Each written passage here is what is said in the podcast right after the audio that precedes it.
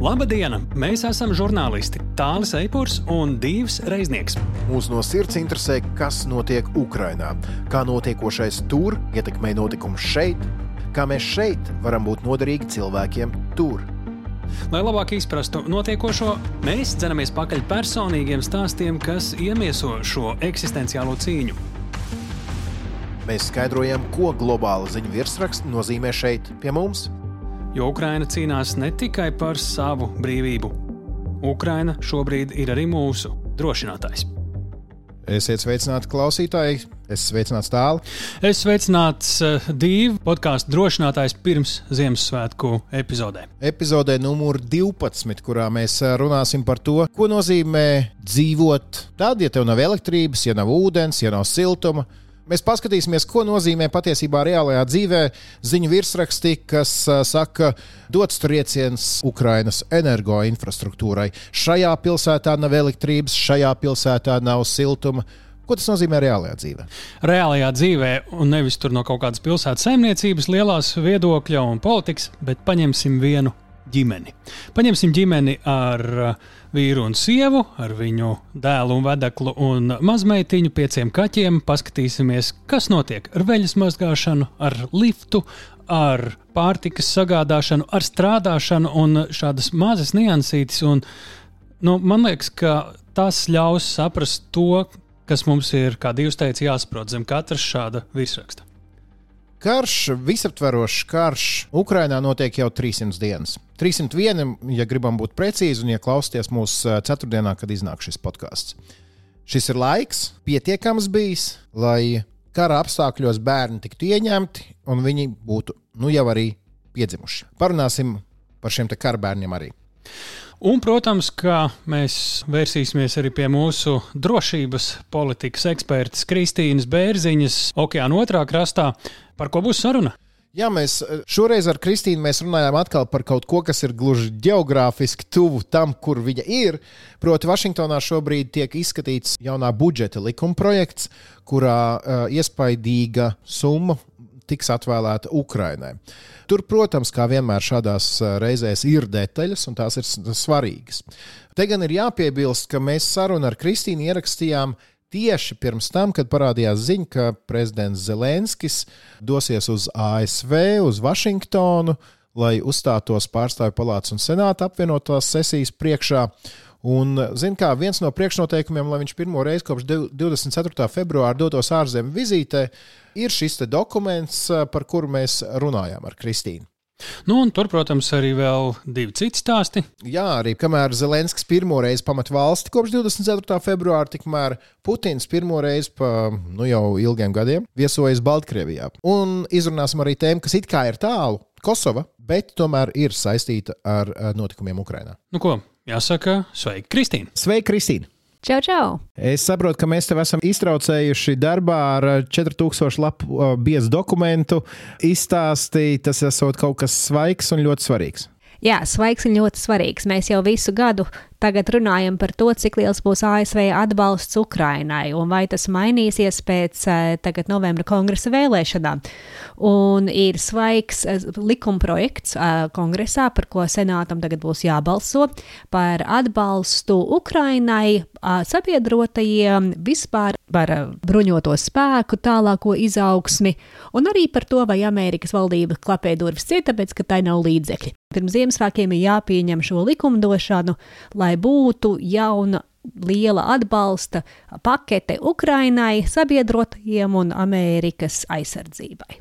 Kādas prognozes? Senātā izskatās, ka ir pietiekami liela vienošanās par to, kas te ir sarakstīts, un tas ir daudz. Ja līdz šim uh, ASV ir ziedojusi gan humanitārai, gan aizsardzības palīdzībai Ukrainai 68 miljārdu dolārus, tad jaunajā likumdošanā paredz 47 miljārdus atbalstam Ukrainai, kā arī sabiedrotajiem. 68 miljardi, tātad tas ir kopš februāra beigām. Ja? Tātad tie ir Jā. um, desmit mēneši. Šie 47 miljardi, vai ir skaidrs, uz cik ilgu laiku šī palīdzība paredzēta? to var jau sākt tērēt. Tagad iztērējis, tad skatīsies, ko darīt tālāk. Nav ne termiņš, līdz kuram to būtu jāiztērē, ne ierobežojumi, bet to šobrīd grib izstumt cauri tādēļ, ka būs kongress tādā jocīgā situācijā, sākot ar jauno gadu, kad augšpalāts būs demokrāta rokās un apakšpalāts būs republikāņu rokās, un ir iespējams, ka vispār jebko dabūt cauri pēc tam, un īpaši vēl pirms prezidenta vēlēšanām 24. gadā, ka būs ļoti sarežģīti. Un tā vēlme ir tagad atļaut un pieņemt likumdošanu, lai uh, Pentagons, lai valdība būtu spējīga kārtīgi atbalstīt Ukrainu un neatgriezties pie kongresa, uh, lai uh, un, un nepieņemt jaunus lēmumus. Apmēram cik vien daudz metīsim katlā, cik iespējams. Cik fokusēts ir šis likuma projekts? Te ir runa tikai par palīdzību Ukrainai, vai kaut kādā veidā mēs no Baltijas puses raugoties, varam sev redzēt kādas interesantas detaļas? Vai ir kaut kas Latvijai no, no šī? Būs, bet tajā 4000 lapas pusē, cik es varu saprast, Latvijas vārds neparādās, un Baltijas, uh, Baltijas valstis arī neparādās atsevišķi, bet ir runa par visiem uh, NATO sabiedrotiem un par atbalstu Eiropai. Un ir bijusi cita likumdošana, par kur arī specifisks uh, paketes un nodrošinājums konkrēti Baltijas valstu drošībai. Bet Šajā lielajā, piemēram, tiek atvēlēts 6,2 miljardi, lai nodrošinātu ASV klātbūtni Eiropā. Tad vienmēr ir jautājums, vai Amerika netaisās pagriezt muguru un pievērsties vairāk Ķīnas draudam. Tad te, piemēram, ir konkrēti 6,2 miljardi tam. Tas nav mazāk nekā iepriekš. Nē, ir pieaugums viscauri. Un par to īpaši republikāņu puse ir ļoti uzstājusi, ka pie pašreizējās situācijas ir jāpieaug atbalstam. Un to es arī dzirdu sarunās ar kongresa pārstāvjiem.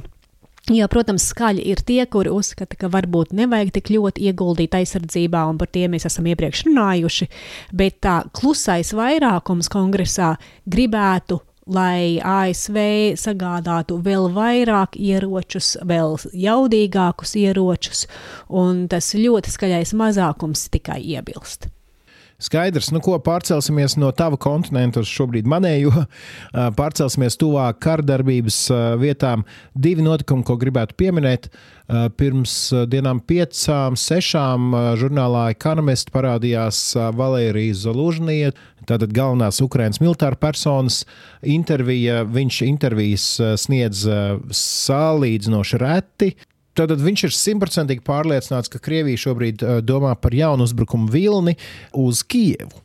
Visdrīzāk no Baltkrievijas puses. Viņš neizslēdz jaunu uzbrukumu vilni arī no dienvidiem, bet nu, šobrīd aktuālais jautājums ir Baltkrievija. Un, lūk, pirms dažām dienām Vladimirs Putins pēc šķiet trīs gadu pauzes viesojās Baltkrievijā.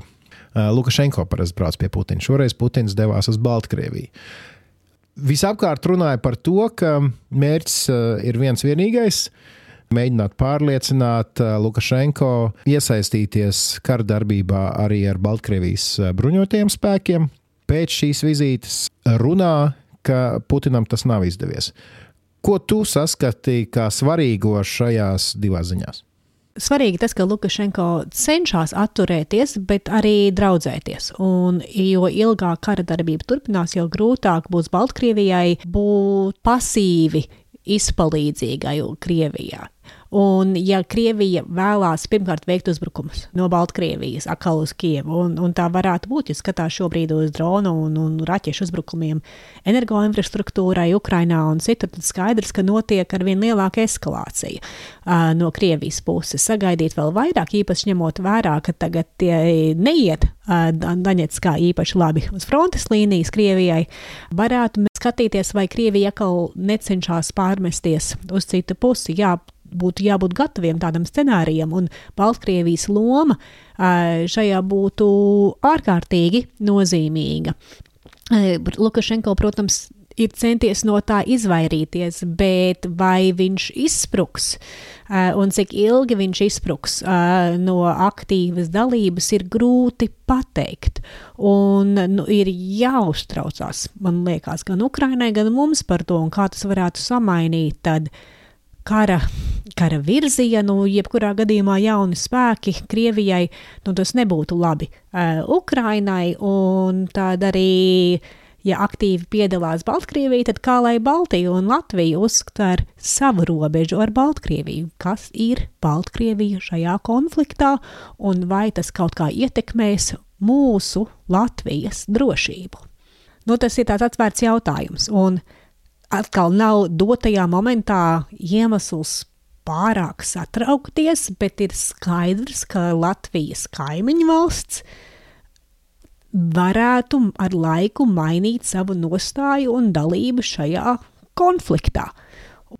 Un vēl trešā lieta, ko gribēju tev vaicāt, ir eh, daudziem varbūt par pārsteigumu Kosovu.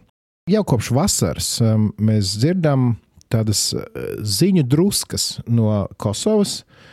Jāpiemina, ka tur arī miera uzturētāju vidū ir karavīri no Latvijas.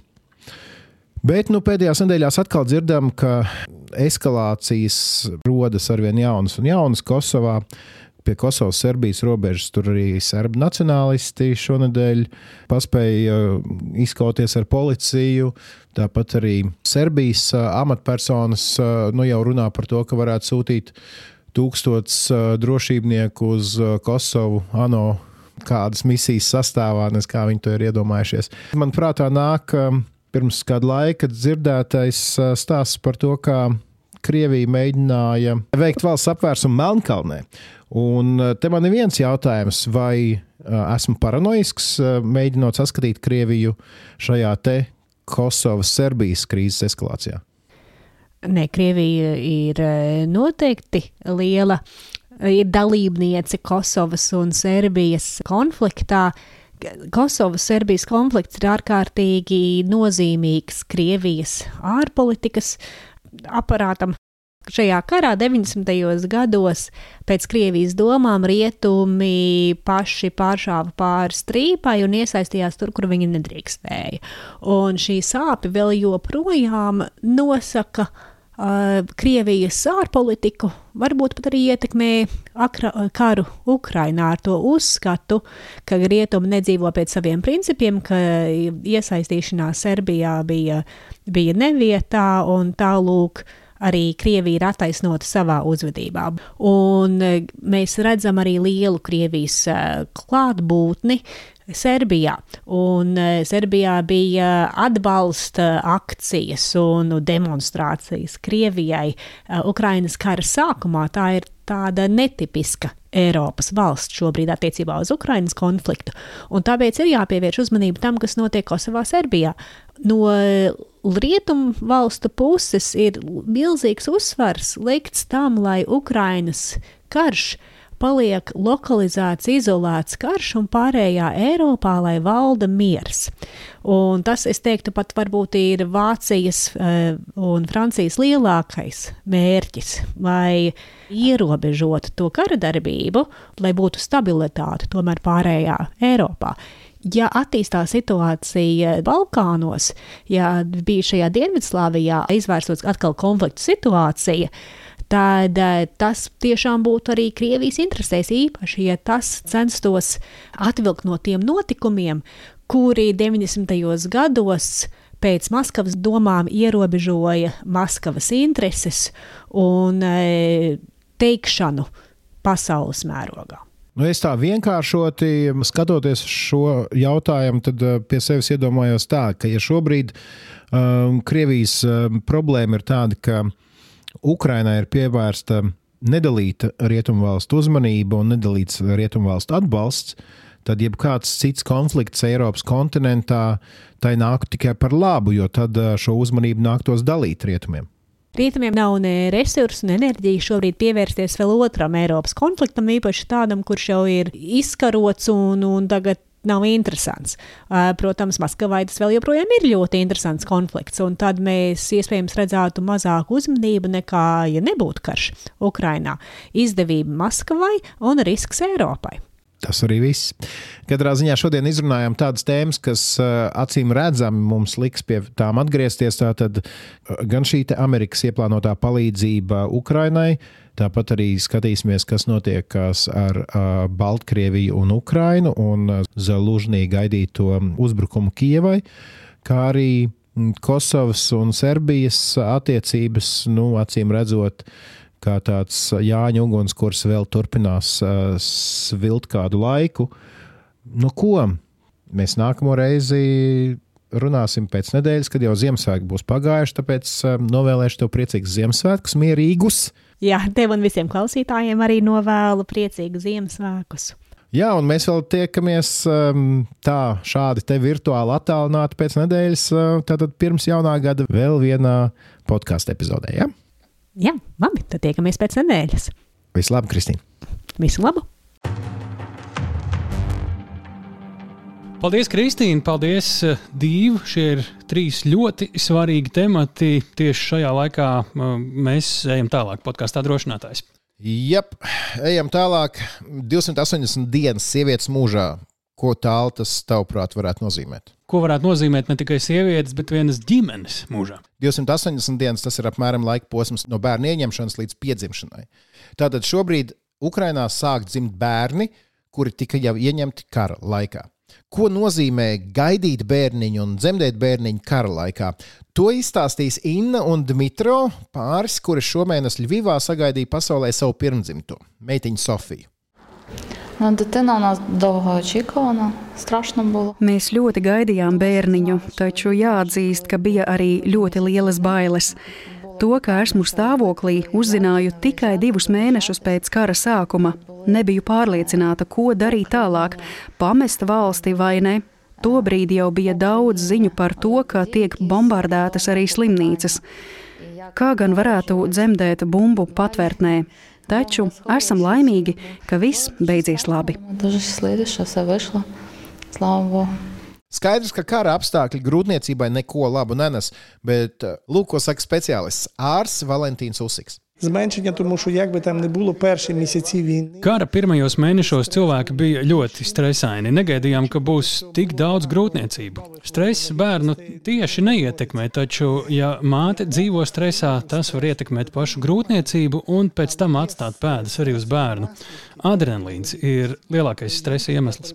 В стресі, бо основним гормоном стресу є адреналін.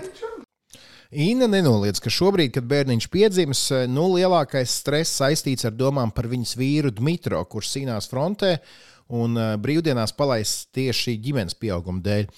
Pirmos trīs mēnešus viņš vienkārši bija frontē un tur neko nevarēja darīt.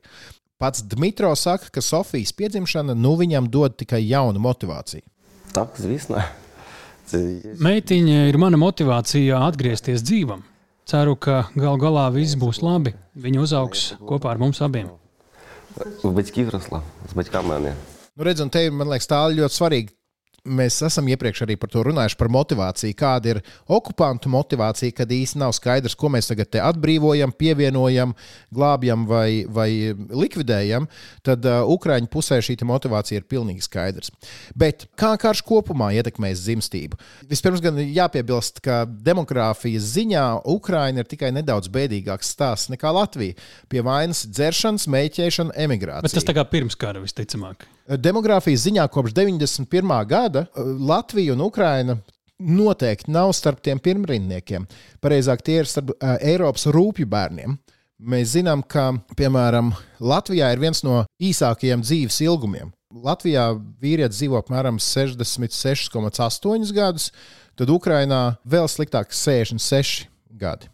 Starp citu, Ukrainā dziļas demogrāfiskās krīzes bijušas arī iepriekš. Nu, Otrais pasaules karš, uh, holodomors. Atšķirība tik tāda, ka viena ukrainieta 50. gados dzemdēja 2,8 bērnus, bet, piemēram, pagājušajā gadā šis līmenis bija nokritis līdz 1,16 bērniem vienai sievietei. Nu, Latvijā salīdzinājumam tas skaitlis ir kaut kāds 1,6 vienai sievietei. Ja mēs skatāmies par datiem, nu, tādu pilnīgi skaidru, uzticamu datu nav.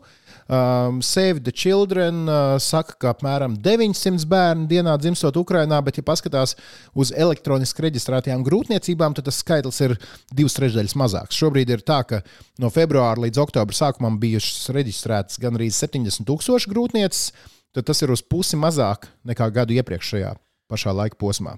Te jārēķina, ka šie bērniņi ieņemti ir vēl pirms kara, tos, kurus tagad nosauci, bet man liekas, ka tas lielais grūtniecību kritums ir tieši aizbraukušo jauno māmiņu dēļ. Arī fakts. It kā šis nu, nav nekas tāds, par ko varētu Ukrāņi priecāties. Tomēr ir nianse. Un es uzgāju ļoti, ļoti interesantu mēdīju politiko rakstu, kā ir mainījusies attieksme pret dzīvi cilvēkiem Ukrajinā. Proti, tad, kad tu vairs neesi pārliecināts par savu nākotni, nu, ko tu dari? Es vācu krājumus, nezinu. nu, redz, nu, ir droši vien dažādi veidi, kā reaģēt uz šādām situācijām. Tas, par ko raksta politikā, ir Ukrāņi vairs neatliek uz kaut kādu tālāku laiku, kaut kādas lietas, kuras līdz šim varēja atlikt. Dzīvo šodienai. Dzīvo šodienai.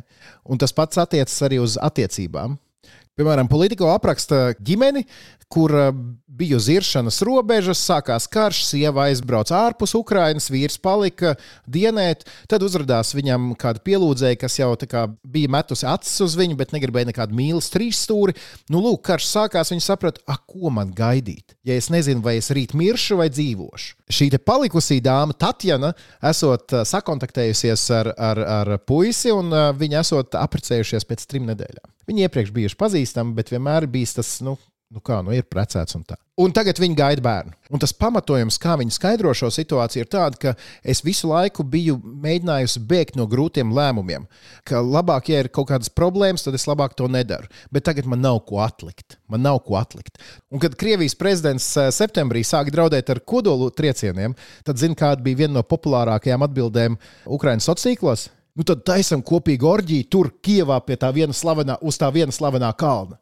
Saproti, šajā gadījumā tas acīm redzami ir tāds instinkts, ka seks, vairošanās, jaunas dzīvības radīšana ir kaut kas tieši pretējs nāvei, ko piedāvā karš. Beidzot, divas īstenoja savu sapni, un podkāstā drošinātājs pieminēja seksu.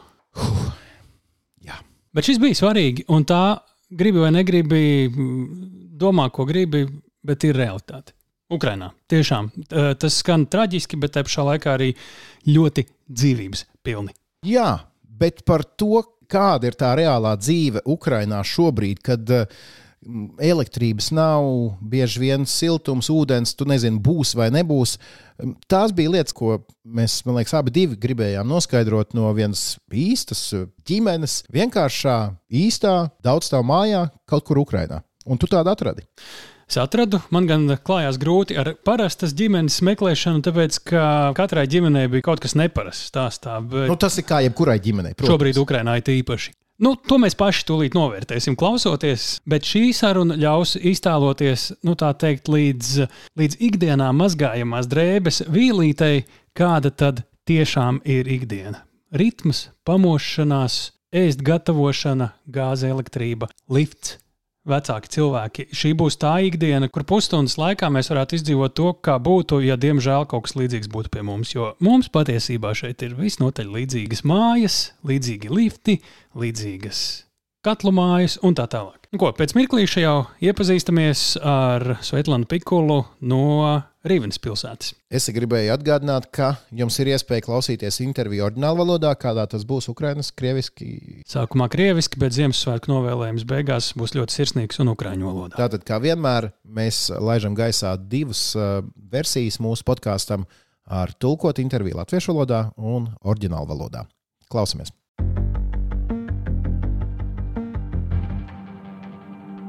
Добрый день. Добрый день.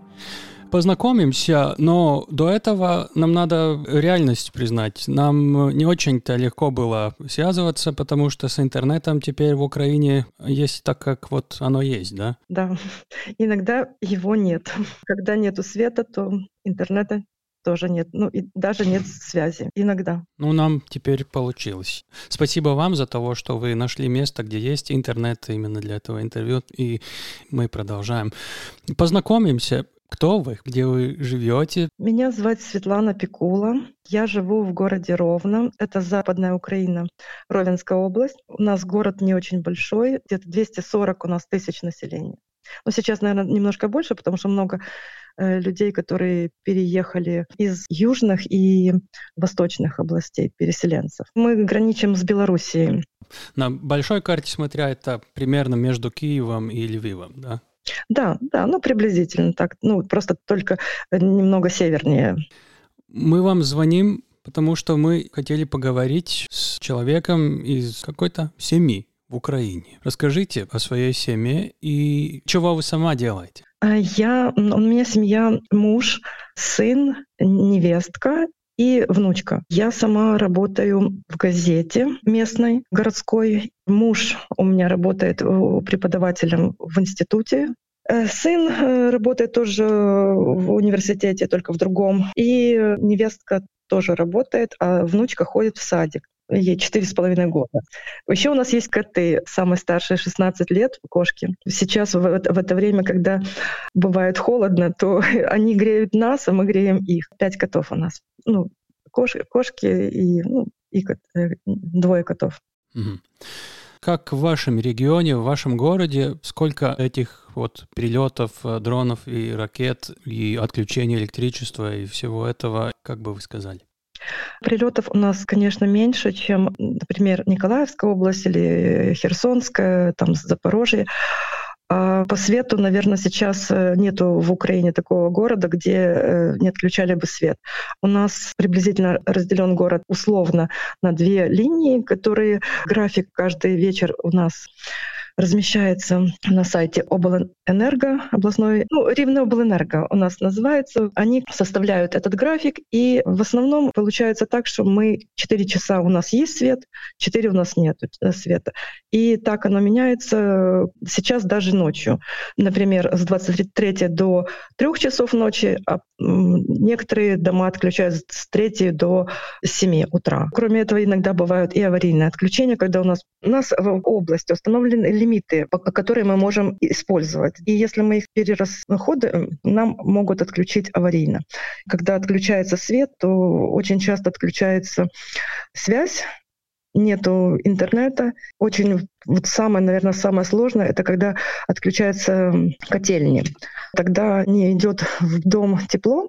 Сейчас хорошо, что еще нету таких морозов, поэтому как бы за 4 часа дом не успевает э, остыть. А, поэтому нету такого холода а в квартирах. Вот у наш дом мы утеплили, у нас была программа э, в, в Украине, которой можно было взять кредит и утеплить дом у нас девятиэтажный э, дом, мы собрались и вот утеплили. Поэтому у нас, э, в принципе, мы не, не очень страдаем от того, что отключают котельню на 4 часа, потому что он как термос фактически сохраняет тепло. Есть дома, которые старый фонд, не утепленные, не поменены окна, много уходит тепла. Если окна, вот я знаю, в доме я еще э, исполняют обязанности э, главы общества дома, да. И э, вот я знаю, просто у нас есть э, ну, старшие люди, которые не могли поменять окна на, на, на новые. У них получается холоднее. А по отключению электри- электрики, то получается, что очень часто бывает так, что вот у меня на работе было два, две недели вообще не было света. И поэтому мы работали дома. Э, и хорошо, когда не совпадали графики у работников наших. Тогда мы работали по очереди, потому что когда пропадает свет, ну, интернета просто невозможно. Мы пытались раздавать э, с телефона, но иногда и это не помогает, потому что просто нету вышка, то есть нету генератора, аккумуляторов, и она не раздает э, интернет, и поэтому интернета нет.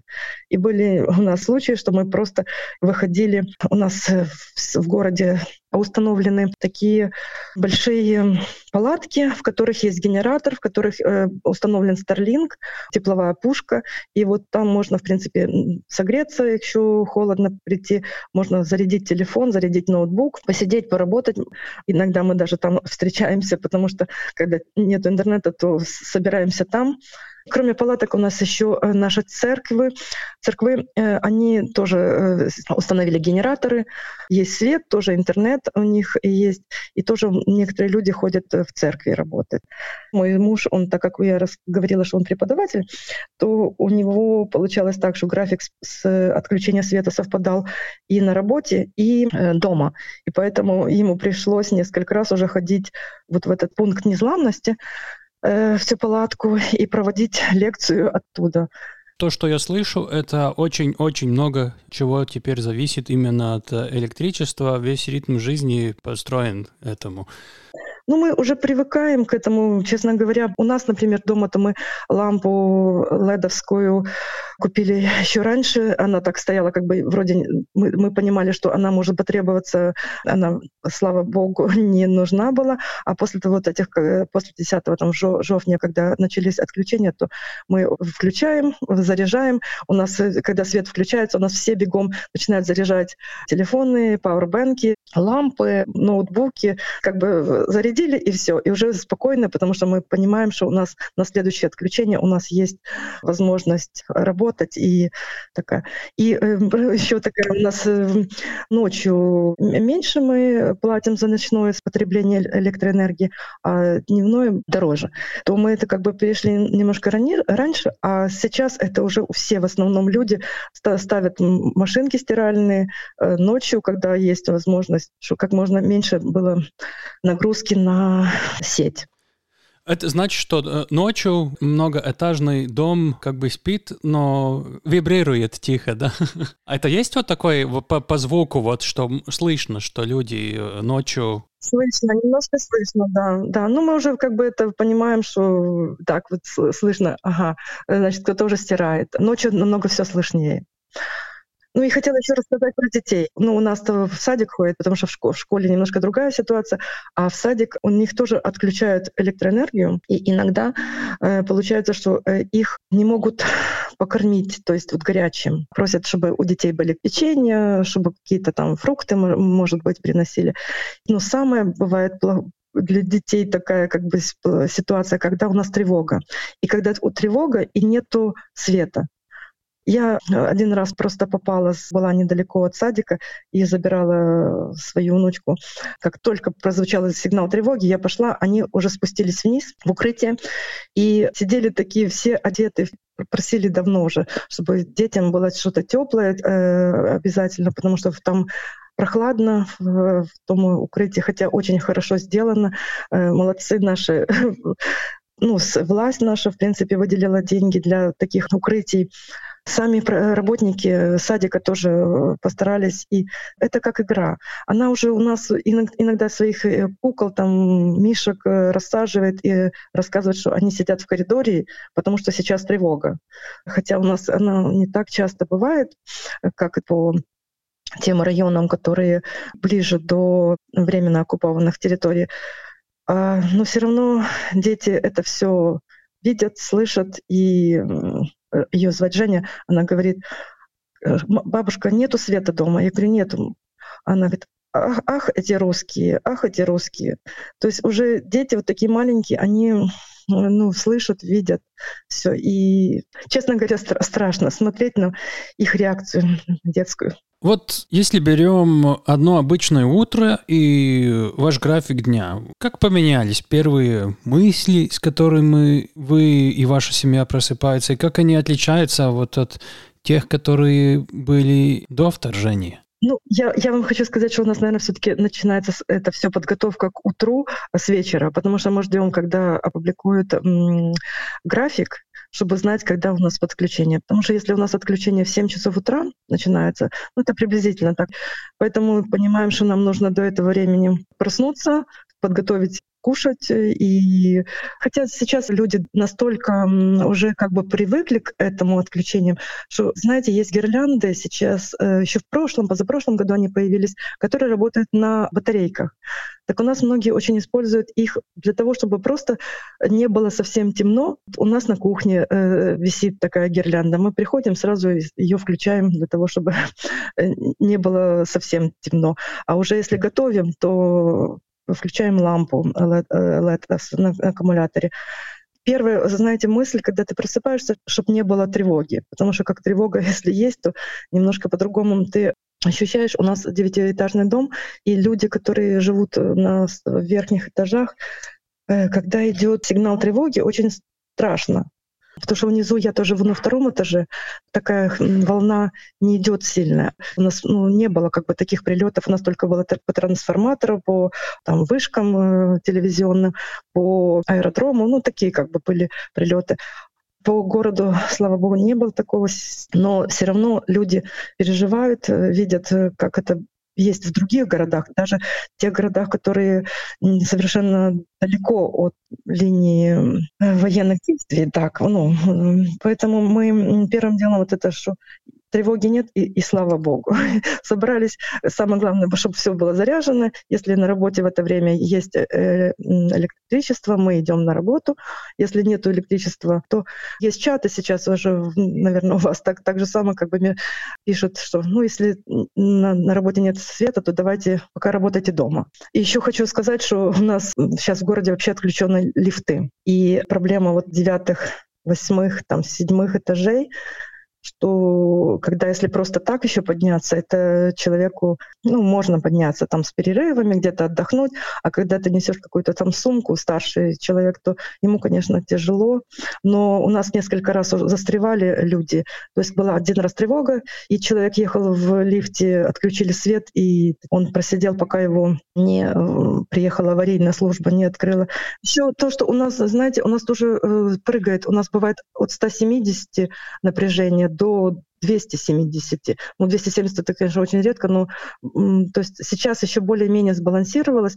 А был период, когда вот э, начиналось это все, когда первые были прилеты по тем трансформаторным станциям, по электростанциям, то очень прыгало напряжение. А для техники это э, может э, испортиться. Тот же самый холодильник э, или там бойлер.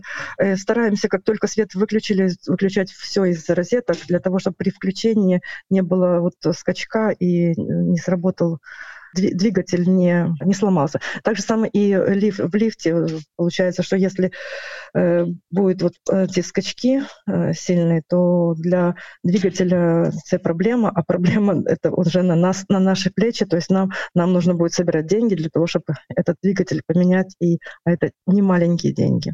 Так, вы э, вынуждены изучать физику теперь все, электронику. Но у, у всех, я так вот подозреваю, что у всех есть какая-то контроль контрольная лампочка дома, которая зажигается, что свет вернулся, да? Да, да, наверное, это так, потому что иногда бывает как-то у меня получилось, что я работала дома, у меня ноутбук был заряженный, и был тогда интернет, и я не, не заметила даже, что включили свет, свет, потому что позвонила соседка, я говорю, так света нет, она говорит, нет, уже включили, поэтому теперь стараюсь где-то в коридоре лампочку включить, э, чтобы хотя бы понимать, что уже свет включили. Ну, если мы можем вернуться к этому ритму дня, вот. Вы готовите, это, это газ, это электричество, как это дальше идет все?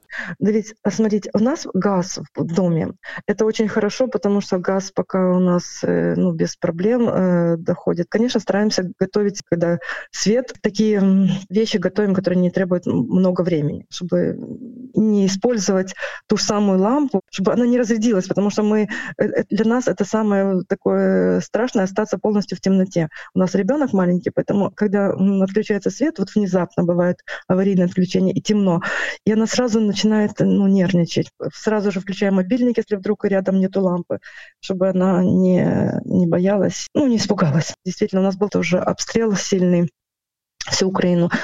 И у нас было за 30 часов, я тогда посчитала, у нас всего было 9 часов свет. 21 час мы сидели без света. Вот у меня коллега по работе, у нее, э, она живет в 14-этажке, то у нее электрические плитки.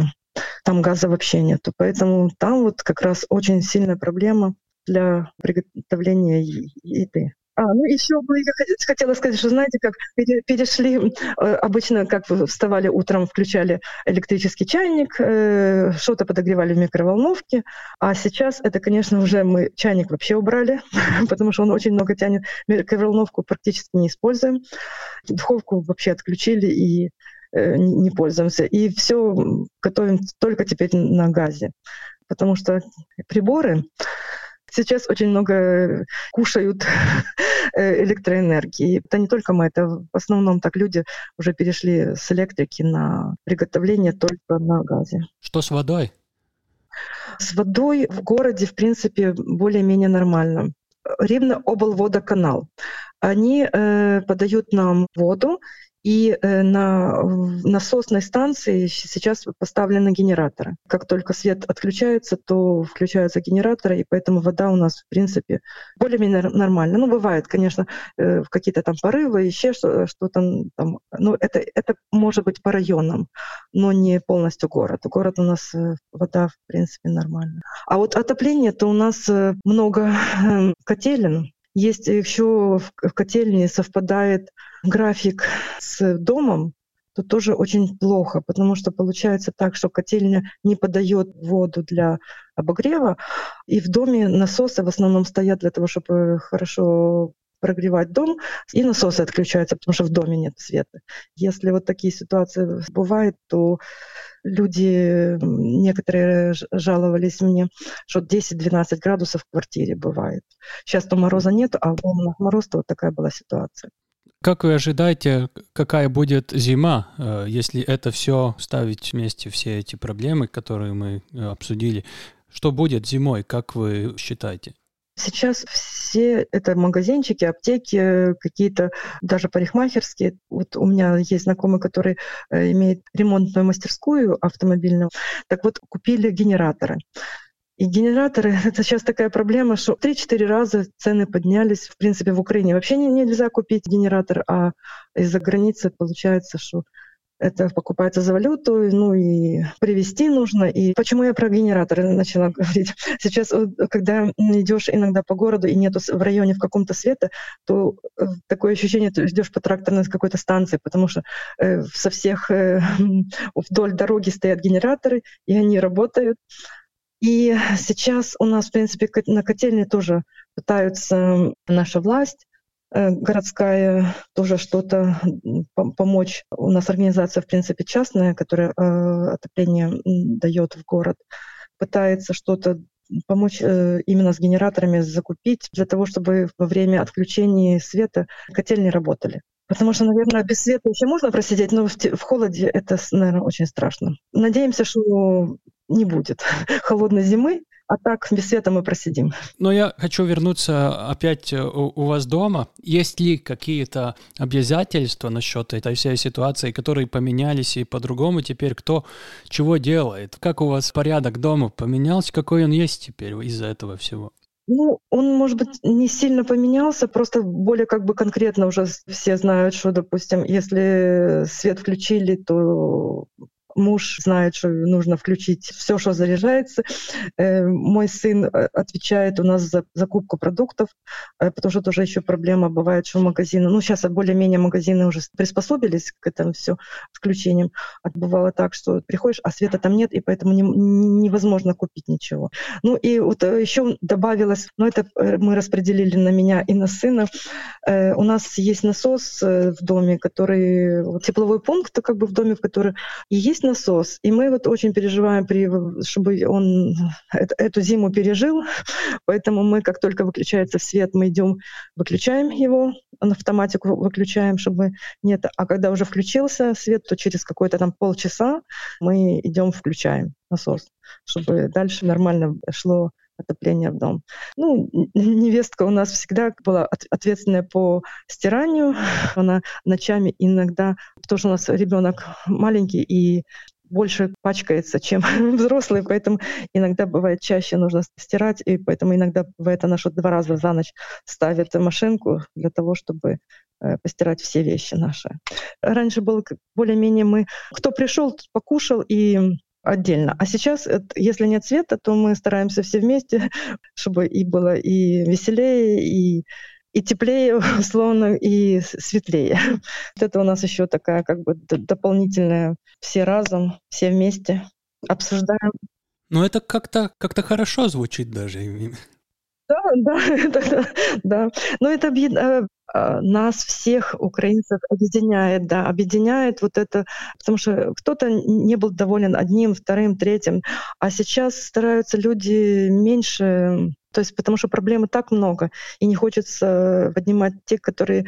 Они не такие уже важные, как как оказалось. Поэтому люди немножко стали по-другому жить, общаться. Есть маленькие плюсы, будем так говорить, от того, что нету света. У нас во дворе собираются старшие женщины, которые на пенсии. Выходили там, гуляли с внуками, а сейчас, наверное, чаще, потому что бывает, когда вечером нету света, то лучше побыть на улице, фонарь у нас во дворе есть, как он светится. Хотя тоже про фонари проблема, потому что у нас э, очень часто есть такие районы, даже в центре, где э, вообще темно.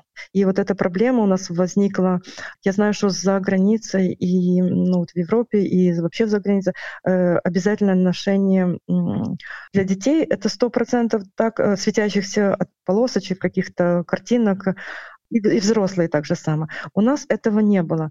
И сейчас вот в основном мы теперь имеем это все. И э, люди стали тоже, потому что машина иногда едет просто в темноте. Закупка продуктов, закупка медикаментов, вещей, которых, которые нужны вам для всяких нужд. Есть ли у вас весь минимум, что нужен для жизни, или есть вот важные вещи, которые поменялись насчет этого? В основном все осталось так же самое, продукты те же самые мы используем, ну, наша семья, которые использовали. А так действительно есть немножко ограничения в чем, в том, что есть продукты, которые получали из тех областей, которые сейчас или оккупированы, или они просто разбомблены, и там не было э, возможности выращивать какие-то вот продукты. У нас, допустим, лук привозили из южных областей, поэтому он подорожал. Понятно, что из, и война, как бы это, но и в то же время просто его стало меньше, вырастили меньше в этом году, и поэтому он дороже. Ну, картошка у нас, допустим, у нас картофельная область, все выращивают картофель. У нас есть дачи, села, и если у кого нету, то закупаются на базаре наперед. То есть это не, не по килограмму покупается, сразу мешок там. А продукты, выбор сократился. Но продукты все в основном Е. По э, медикаментам я не могу сказать, потому что мы, в принципе, не сильно используем. Потребностей у нас таких нет, потому что такие по мелочи, то все, в принципе, есть. Если, может быть, какие-то были препараты, которые привозились от тех тоже областей, которые сейчас плохо функционируют. Хотя первое время я знаю, что была проблема, а потом наши фармакологические предприятия в Киевской области, они стали работать и восстановили производство. Сейчас праздник близко. Насколько я понимаю, в Украине даже три праздника получается. Это Европейское Рождество, Новый год и потом православное Рождество. Э, это, это так, да? Ну, у нас уже в этом году даже некоторые люди праздновали День Святого Николая 6 декабря. И уже в этом году даже я знаю, что наши детки некоторые получили подарки от э, Николая 6 декабря. А 6 декабря у нас еще э, день ЗСУ, наших славных Збройных сил Украины. Поэтому мы, э, Миколай и наши Збройные силы э, мы объединяем в одно, потому что мы ждем, мы молимся и ему, и, и за них, чтобы у них было все хорошо, и они нас берегли. Какой будет праздник ваш, как вы видите? Ну, я думаю, что так как наша область более ближе до европейских, как бы у нас давно уже, у нас даже в прошлом году уже некоторые перешли на 25 э, декабря с празднования Рождества. А в этом году я знаю, что у нас много церковных э, общин, они, Православная Церковь Украины, она дала разрешение выбирать каждой общине, Э, когда праздновать будут они Рождество. И я знаю, что у нас, в принципе, в нашей области очень много перешло на празднование там, 25 декабря. Я думаю, что это в, в этом году, а уже в следующем, наверное, может быть такое, что мы вообще перейдем уже полностью на календарь европейский. Хотя будем праздновать и, и еще и потом, и 7 января. У нас таки, такие традиции, что... Чем будет отличаться вот от других годов? Мы, наверное, можем уже представить на, э, из-за того, что вы уже рассказывали. Ну, я э, с, начну с города. Э, в принципе, было как бы э, голосование людей, и в основном все были против установки елки.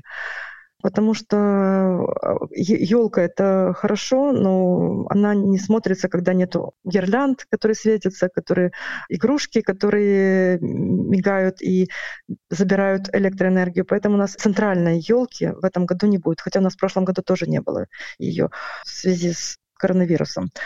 А дома мы, в принципе, мы обычно, потому что у нас ребенок маленький, поэтому для, для нее Новый год никто не отменял. И поэтому мы елка, ну у нас елка искусственная, поэтому она у нас лежит, ждет своего времени, игрушки тоже, то она будет установлена, конечно. Сейчас, конечно, в основном, я так смотрю по людям, если раньше это было с празднованием там, даже дня рождения, там приглашались э, знакомые, родственники, то сейчас это в основном э, узкий круг, семья, ну, может быть, кто-то из таких совсем близких людей, Хотя ну, для детей, наверное, это нужно. Они заслуживают, чтобы их не забывали. И им подарки хочется подарить, и какой-то такой небольшой праздник все-таки устроить. Корпоратив у нас тоже как бы мы на работе ну, решили, что мы, ну разве что просто сядем перед, в последний день перед Новым годом, просто посидим, поговорим, вспомним, что за этот год произошло, и будем планировать жизнь дальше. Мы всегда в конце наших разговоров спрашиваем, чего пожелать. В течение вот этого времени чего вам пожелать, как это пережить? Всегда первое, что желают, это победы. В любой, то есть это и день рождения, и какой-то праздник, это первое, что каждый желает другому, это победы мы не хотим мира. Вот говорят, вот ну, давайте выпьем за мир. Там, ну, есть так, был такой. Мы не хотим мира, мы хотим победы, мы хотим силы нашим сбройным силам, чтобы они смогли выгнать. И чтобы наша Украина стала опять вибачте, объединенной, чтобы все наши территории вернулись в семью, чтобы мы могли поехать на следующий год.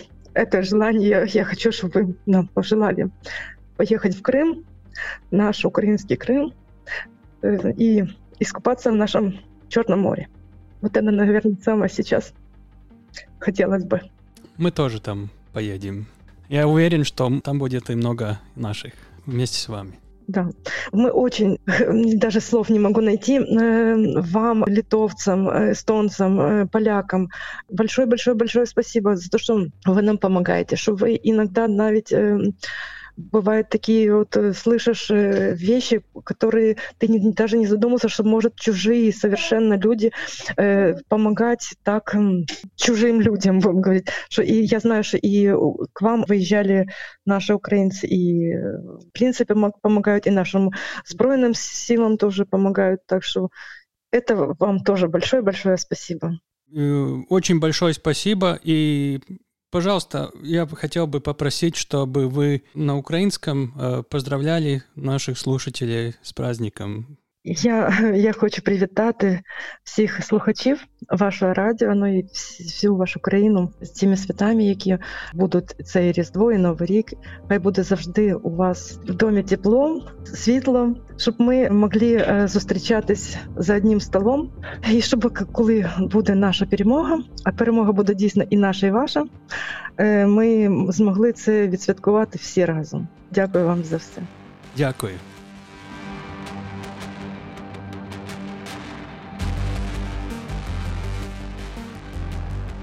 Lūk, tāds novēlējums no Svetlanas Pikulas svētkos īsi iztulkošu. Viņa saka, ka grib sveikt jūs, klausītājus, un arī visu Latvijas valsti svētkos, Ziemassvētkos, jaunajā gadā. Un tad viņa saka to, kas vēl pirms gada mums visiem būtu skanējis kaut kā pietiekami abstrakti vai simboliski, bet šoreiz Ukrāņu valodā no Ukrainas dzirdot sveicienu, ka lai jūsu mājās ir silti un gaiši, nu jāsaka, tik burtiski, kā šoreiz tas novēlējums skan, es to nekad neesmu izjutis. Viņa arī novēl, ka mums būtu vienā dienā jāstiekas visiem pie viena galda, tad, kad uzvara būs gan jūsu, gan mūsu. Viņa saka, tā domājot gan Ukrāņus, gan Latviešu, un viņa saka, tad mēs visi varētu svinēt kopā. Paldies jums visiem! Paldies arī tev tālu! Kādas pēcsajūtas, pēcgaršas? Es domāju, tā svarīgākā pēcsajūta, kas šeit burtiski nevienā vārdā neizskanēja, bet cik nosvērti, cik mērķiecīgi, konstruktīvi, it kā ikdienišķi Svetlana ar mums sarunājas.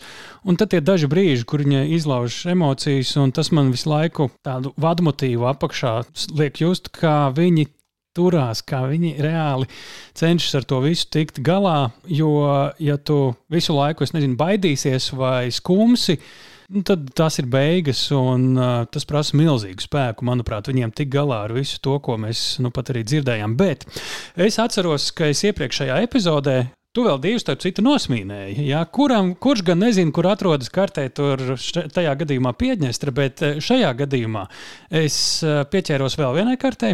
Nu, nu, tu mums esi kart, karšu fanāts. Varbūt. Jo klausoties, ko stāstīja Svetlana, viņa pieminēja šīs teltis, kur var saņemt dažādu veidu atbalstu, siltumu, internetu, uzlādēties pie elektrības, vienkārši drusku varbūt attiekties. Un to nosaukums ir nesalaužamības vai neuzvaramības punkts. Un Rīvnes pilsētā tas ir teltis, cik mēs dzirdējām.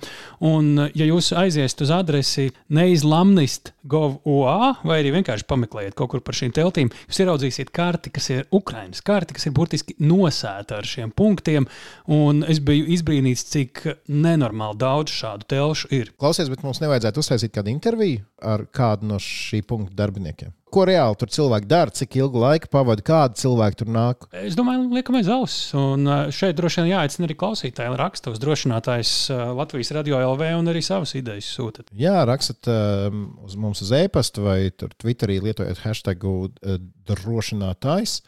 Vienmēr sakot, kontaktējieties ar mums. Un es noteikti gribu atgādināt par iespēju arī uh, lasīt LSM, LV Tur parasti mēs ievietojam arī lielās šīs intervijas ar nelielu bonusu, ar dažādām bildēm, un tāds būs arī šajā gadījumā. Un, protams, to tekstu varēs ne tikai noklausīt, bet tie, kur ir lasītāji, ir izlasīti. Un uh, ik pa laikam, protams, arī mūsu eksperta Kristīna Bērziņa lielajā medijā LSMLV tiek citēta. Un uh, es domāju, šī epizode jūs noteikti varat ieteikt citiem, ja kāds grib saprast par ģeopolitisko lielo situāciju.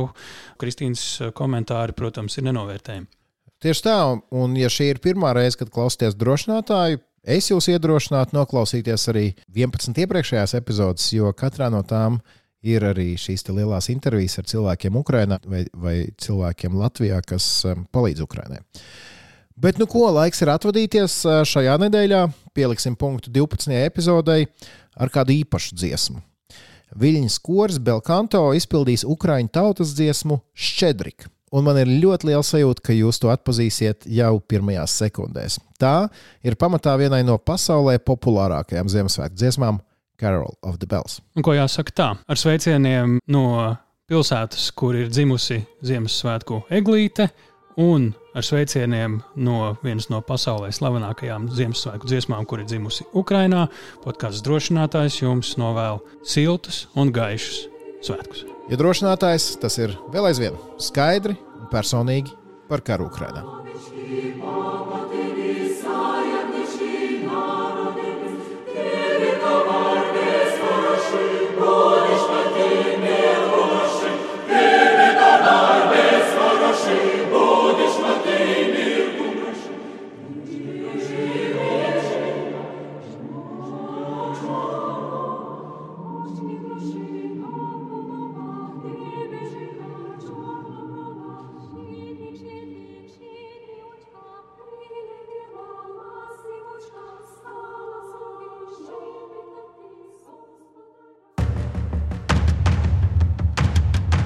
Raidieraksts drošinātājs.